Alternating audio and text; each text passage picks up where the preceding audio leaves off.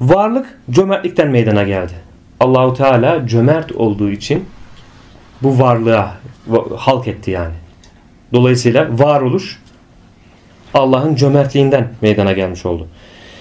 Kelime ile aynı kökten gelen cevd, cömert kelimesi aynı kökten gelen cevd ise bol yağmur demektir. Kelime cezebenin cebezeden bozulması gibi vecededen bozularak ve cevede haline gelmiştir. Harfleri de anlamda ortak ve birdir. Burası kelime kökünden de giriyor Muhittin İbn Arabi Hazretleri meseleye. Oradan izah ediyor. Buna göre hakkın mazharlar demek olan dış varlıklardaki cömertliği yani cud onlarda zuhur etmesine yöneliktir. Mazharların kendilerinde zuhur edene dönük cömertlikleri ise istidatlarıyla kendilerine verdikleri şeyle ilgilidir.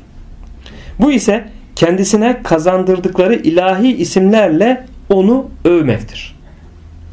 Öyleyse hakkın cömertliği zatından kaynaklanan bir ihsan iken varlıkların cömertliği ihsan değil zatidir.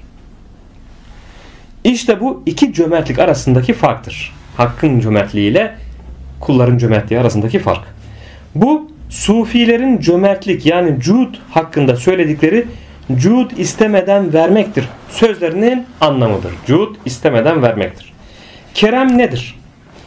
Şimdi bu vermenin türlerini tek tek Muhittin İbn Arabi Hazretleri sayacak.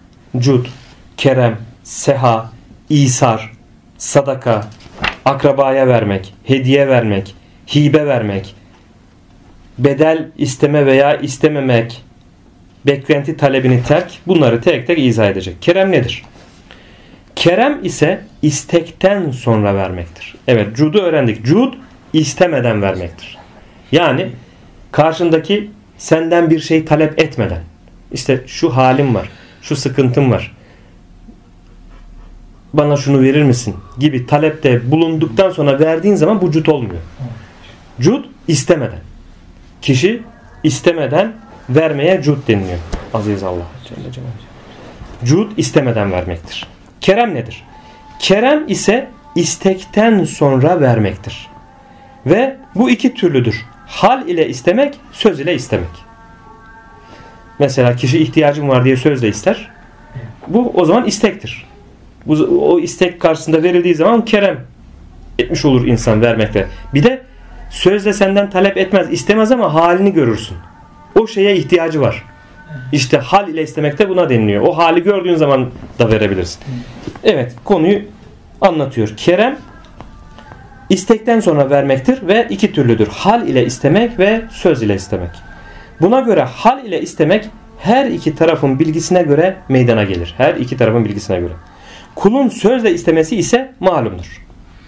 Rabbim bana şunu ver, beni bağışla, bana merhamet et, bana rızık ver, benim için hayırlı olanı belirle, benim için hayırlıyı tercih et, bana hidayet et, bana afiyet ver, beni üzme, beni sınama, hakkın sözlü isteğine örnek olarak bu şekilde dualarımızda böyle deriz mesela. Bu bizim ne oluyor? İsteğimiz oluyor Allah'tan.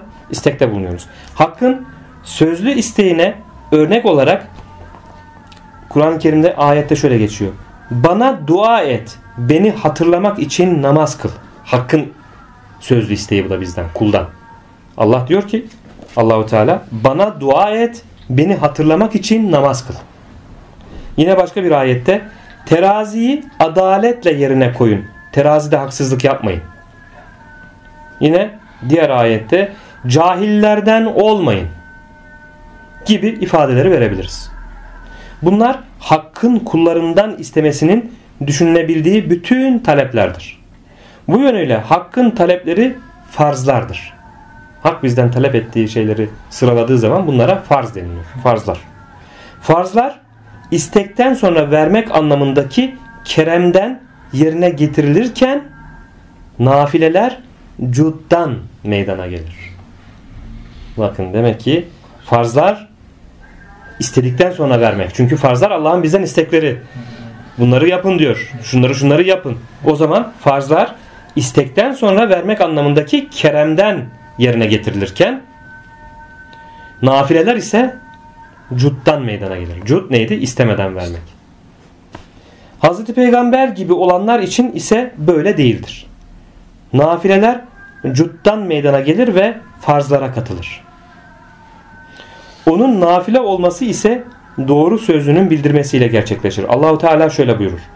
Senin için nafile olarak geceleyin teheccüd namazına kalk. Umulur ki Rabbin seni makam Mahmud'a ulaştırır. Burada Allahu Teala'nın hitabıyla Resulullah Efendimiz'e aslında gece namazı farz hükmüne geçmiş oluyor.